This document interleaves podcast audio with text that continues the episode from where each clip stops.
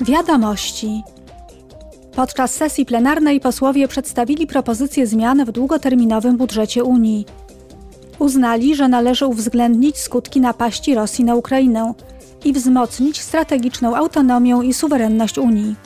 Konieczna jest też większa elastyczność w radzeniu sobie z kryzysami. Parlament twierdzi, że do przewidzianych przez Komisję Europejską na reagowanie kryzysowe 66 miliardów euro należy dodać 10 miliardów euro. Prezydent Czech Petr Paweł zwrócił się do europosłów na posiedzeniu w Strasburgu. Wezwał do dialogu z obywatelami. Siła Europy leży w naszej jedności i różnorodności. To klucz do pokoju i dobrobytu. Nic dziwnego, że nasi wrogowie o tym wiedzą. Dlatego nieustannie próbują podważyć nasze wartości moralne i demokratyczne, aby nas osłabić. Kampania wyborcza w przyszłym roku wystawi nasze demokracje na próbę.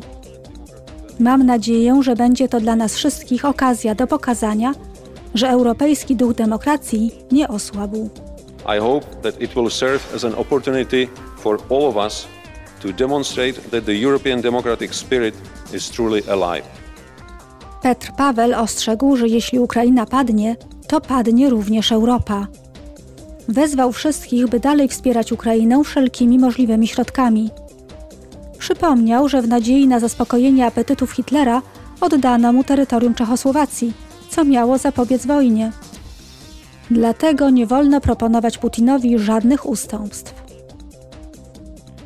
Można już zgłaszać się do tegorocznej edycji programu Discover EU. Osoby urodzone w 2005 roku mogą skorzystać z bezpłatnych biletów kolejowych.